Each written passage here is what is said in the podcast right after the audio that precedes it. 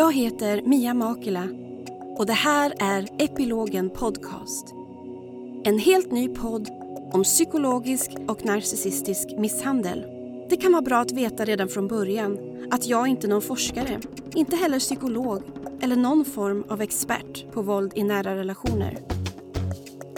Jag är konstnär som målar och gör collage men skriver även på min första roman. Jag är utbildad idéhistoriker och konstvetare. I över tio år var jag dessutom bloggare. Långt innan ordet influencer var uppfunnet. Det kan hända att kanske jag inte är den rätta personen att göra en sån här podcast. Men det är en podd som jag önskar fanns. En podd som hade hjälpt mig när det var som mörkast i mitt liv. Så är jag lite av en doer. Jag tänker att om jag vill lyssna på den här podden så får jag väl göra den själv. Men just eftersom jag skapar och skriver så har jag bra verktyg att porträttera våld i nära relationer. Och jag vet vad jag pratar om. Jag har överlevt flera sorters relationella helveten.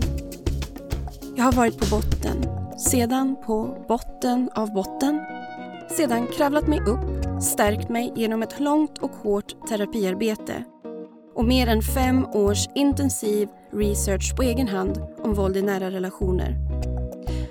Och här står jag nu, stadigt på jorden och behöver inte längre tänka på att överleva. Jag har börjat leva igen.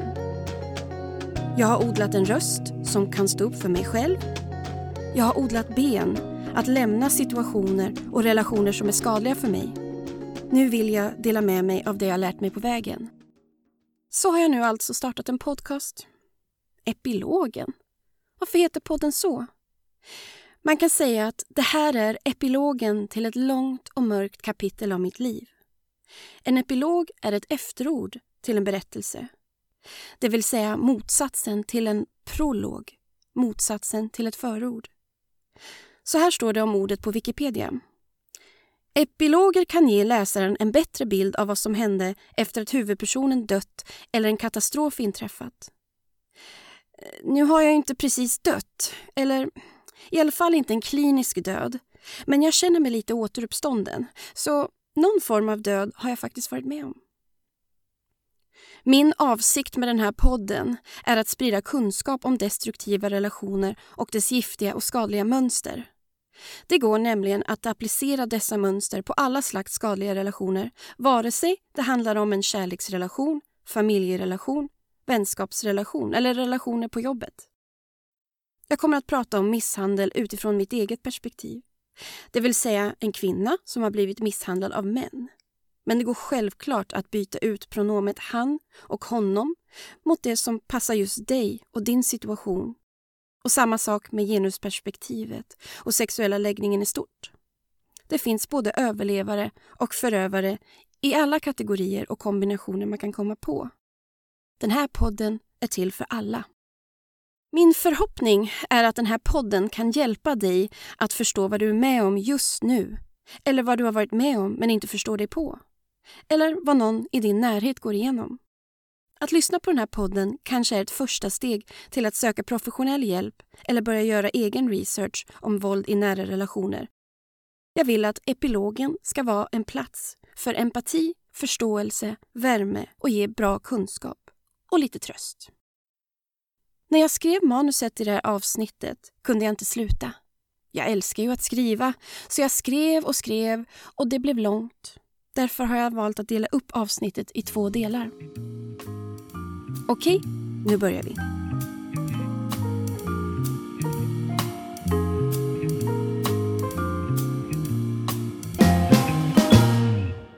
Innan jag går djupare in på psykisk och emotionell misshandel är det en bra idé att prata om vad våld och misshandel faktiskt innebär. För det är inte en självklarhet och det kan vara luddigt. Jag tänker att språket vi använder är det allra viktigaste verktyget för att vi ska kunna forma våra egna tankar och vår verklighetsuppfattning. Därför är orden vi klär begrepp med så viktiga att definiera så att vi vet att vi pratar om samma sak. Till exempel ordet våld. Vad är våld? Vi kanske först tänker på något badass actionvåld från Hollywood. våld som konstform, underhållning eller som något extremt. Ordet misshandel kanske får en att tänka på ett oprovocerat krogslagsmål eller ett gäng killar som möts i en gränd för att göra upp och sen hamnar i rättegång om saken. Ordet kvinnomisshandel och begreppet våld i nära relationer då? Det kanske får oss att tänka på en berusad make som slår sin kvinna tills hon får en blåtira eller blåmärken. Kanske efter ett stort svartsjukegräl eller på fyllan. Alltså som en isolerad händelse när saker gick överstyr. Men det behöver inte vara så. Omvärlden ifrågasätter ständigt den misshandlade kvinnan. Varför tolererar hon skiten? Men varför lämnar du inte honom? frågar man henne. Man måste gå efter första slaget, det vet du väl? Och så stämplar de henne kanske som svag, viljesvag, jagsvag eller något annat som kan förklara varför hon väljer att stanna kvar i den våldsamma relationen trots alla råd och påtryckningar från vänner och kollegor. Men ifrågasätter någon någonsin mannens motiv? Varför slår han? Varför blir han så elak? Varför lämnar han bara inte henne om han stör sig så mycket på henne? Hur kan han både älska henne och samtidigt misshandla henne? Varför förändrar han inte sitt beteende? Detta kan vara vad vi först tänker på när vi hör om våld, misshandel och kvinnomisshandel och våld i nära relationer. Det handlar ofta om mer öppna former av misshandel, något vi kan bevittna. Vi ser löpsedlar och stora rubriker.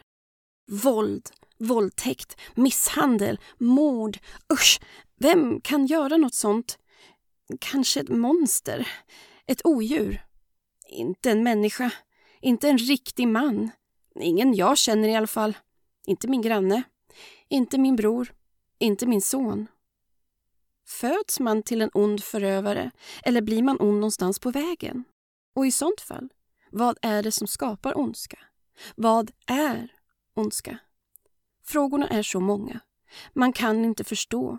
Tur att det finns så mycket film och litteratur om våldsamma män så att man i alla fall kan försöka förstå. På bekvämt avstånd i biomörkret såklart. Med distans till ondskan, till våldet, till det som aldrig skulle kunna hända mig. Men det gjorde ju det. Det hände mig. Och våldet, ondskan och misshandeln såg inte alls ut som på film eller som på bilderna av de blåslagna kvinnorna i kvällspressen. Under fem våldsamma år var min kropp alltid fläckfri utan några blåmärken. Och eh, våldtäkten jag utsattes för i ett annat förhållande var dessutom helt fri från både våld och tvång. Men hur kan det då vara våld och misshandel? Även fast min kropp aldrig varit blåslagen så skulle ni se hur det ser ut på min insida. Mitt spruckna, trötta, tunga hjärta som förblött och dött många gånger om. Min trasiga hjärna som blivit hackad, omprogrammerad och permanent inställd på komplexa överlevnadsstrategier och katastrofberedskap. För att inte tala om min själ som har blivit kvävd, strypt, förnedrad, nära att bli helt utsuddad och förintad. Av män som alla sagt att de älskar mig. Men jag har alltid lyckats hålla fast vid min själ. De har inte lyckats knäcka mig helt. Men mitt inre har varit a complete mess. Söndertrasat. Stundtals ett virvar av ångest, panik, mardrömmar och skräck. Men ni kan inte se något av det. Det syns inte på ytan. Och hade ni varit ett vittne till det jag upplevt kanske ni inte ens hade uppfattat våldet jag fått utstå under större delen av mitt liv. Jag pratar om det lömska, dolda våldet.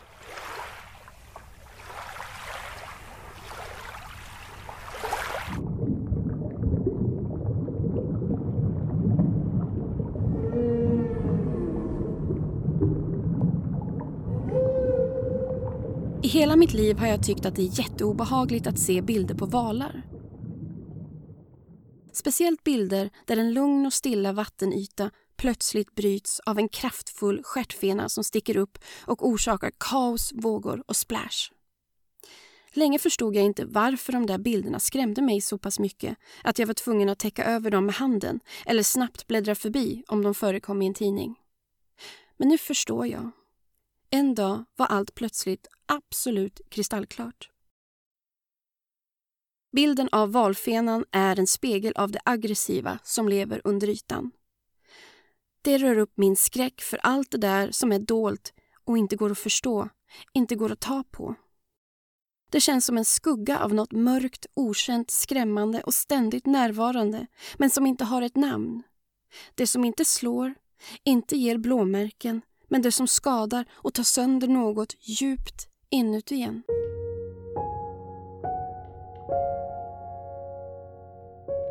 Ordet misshandel betyder situationer där man handlade fel. Men det svenska ordet misshandel är egentligen inte särskilt bra. Det är inte lika flexibelt som det engelska ordet abuse som kommer från det latinska ordet abusus. Att använda upp eller att använda eller behandla något eller någon felaktigt eller stötande. Ett bättre ord för misshandel på svenska kanske därför kan vara att missbehandla. Det är lite mindre abstrakt än ordet misshandel. Att missbehandla någon är ju exakt vad ordet säger. Man behandlar någon illa. Och det kan man göra på en massa olika sätt. Och inte bara som isolerade händelser utan under en lång tidsperiod som ett regelbundet söndermalande där den skadliga behandlingen till slut bryter ner offrets identitet, integritet, självkänsla och verklighetsuppfattning. Det finns därför många former av misshandel och våld i nära relationer. På Socialstyrelsens hemsida står det så här. Våld i nära relationer är ofta ett mönster av handlingar som kan vara allt ifrån subtila handlingar till grova brott. Allt ifrån att bli förlöjligad till att utsättas för våldtäkt eller allvarliga hot. Det är ofta kombinationer av fysiskt, sexuellt och psykiskt våld. Om man googlar på olika former av våld finns det flera sidor och kvinnojourer som definierar dem på ett bra och sakligt sätt. Man talar främst om psykiskt, fysiskt, sexuellt, materiellt och ekonomiskt våld i nära relationer. Men det finns fler former. Till exempel hedersvåld, försummelse, våld mot särskilt utsatta, stalking och digitalt våld som sker online. Låt oss lite snabbt gå igenom vad olika former av våld kan innebära i praktiken så vi kan få en bra överblick. Fysiskt våld. På Karlstads kvinnojours hemsida kan man läsa en bra definition som jag har förkortat en aning. Fysiskt våld är all typ av fysisk kontakt som han använder mot dig för att uppnå kontroll. Det handlar alltså inte enbart om så tydligt grovt våld som ger upphov till skador utan om avsikten att skrämma och kontrollera en annan människa. Det kan handla om att knuffa dig, tvinga ner dig på en säng, att hindra dig från att röra dig genom att hålla fast eller genom att slå sönder och skada föremål i din närhet. Våldet är sällan slumpartat och kaotiskt utan snarare målinriktat och funktionellt. Detta exempelvis genom att våldet riktas mot kroppen där det inte lämnar synliga spår.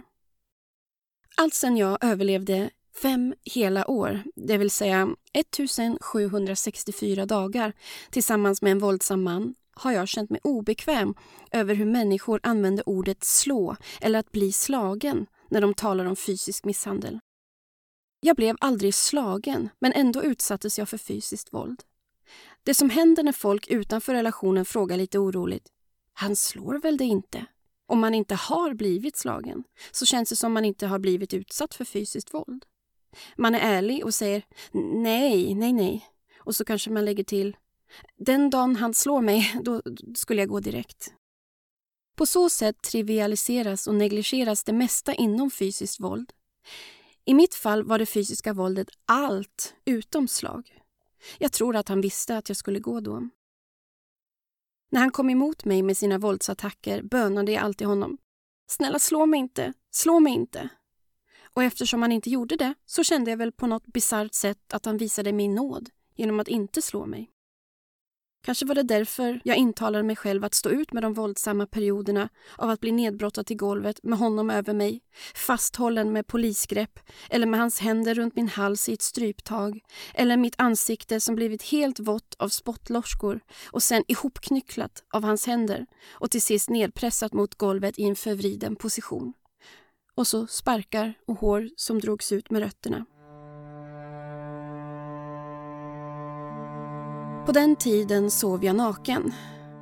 Han var alltid uppe på nätterna medan jag sov och så sov han bort större delen av dagen istället. För att inte störas av hans uppesittande stängde jag alltid sovrumsdörren innan jag somnade. Jag minns ett tillfälle då jag vaknade abrupt av att han med all kraft slog upp dörren till sovrummet, tände taklampan så jag blev chockad av både ljud och ljus. Sedan började han skrika och gorma om att jag hade slarvat bort något eh, viktigt papper som han nu inte kunde hitta. Jag visste inte vad han pratade om. Jag hade inte rört hans papper. Mitt hjärta slog så snabbt och hårt medan adrenalinet rusade genom kroppen av chock och rädsla. Han blev till slut våldsam och tog vattenglaset jag hade på mitt nattduksbord och hällde ut över min sida av sängen. Som tur var lyckades jag ducka det mesta när jag flydde från sängen men min madrass var genomsur. Detta är också fysiskt våld. Jag fick inga blåmärken och han rörde ju inte vid mig vid det tillfället. Men han använde situationen där min kropp var mycket sårbar i kombination med att skapa otrygghet i min omgivning. Det som borde vara min allra mest trygga plats på jorden. Allt kunde användas som verktyg att skada mig. Vattenglaset, min säng, dörren, taklampan. Allt. Andra exempel på fysiskt våld, som jag inte alls förstod var fysiskt våld när det väl hände, var när jag rusade ut ur lägenheten utan skor för att komma undan hans våldsattacker. Jag tog stora kliv ner för trapporna, kanske två, tre trappsteg i taget. Det kändes som jag svävade över dem. När jag rusade ut ur porten spottade han på mig eller hällde vatten över mig från vår balkong. Jag lärde mig snabbt att ta en omväg genom källarutgången vid tvättstugan där porten inte var direkt nedanför vår balkong. Eller den gången då han slog sönder alla mina saker jag hade i hallen och sen skrek åt mig att städa undan oredan som han sa att jag hade orsakat. Detta kallas även materiellt våld. Det materiella våldet handlar om att skrämma offret för att kunna kontrollera henne så hon inte vågar stå upp för sig själv eller lämna honom. Både fysiskt och materiellt våld kan vara att smälla eller slå i dörrar, slå näven i eller sparka på väggar och skåpsluckor, slänga saker mot offret, slänga saker i väggen så de går sönder eller välta stolar och slänga möbler genom rummet. Materiellt våld kan även vara att hota att förstöra saker som offret håller kärt eller är i behov av.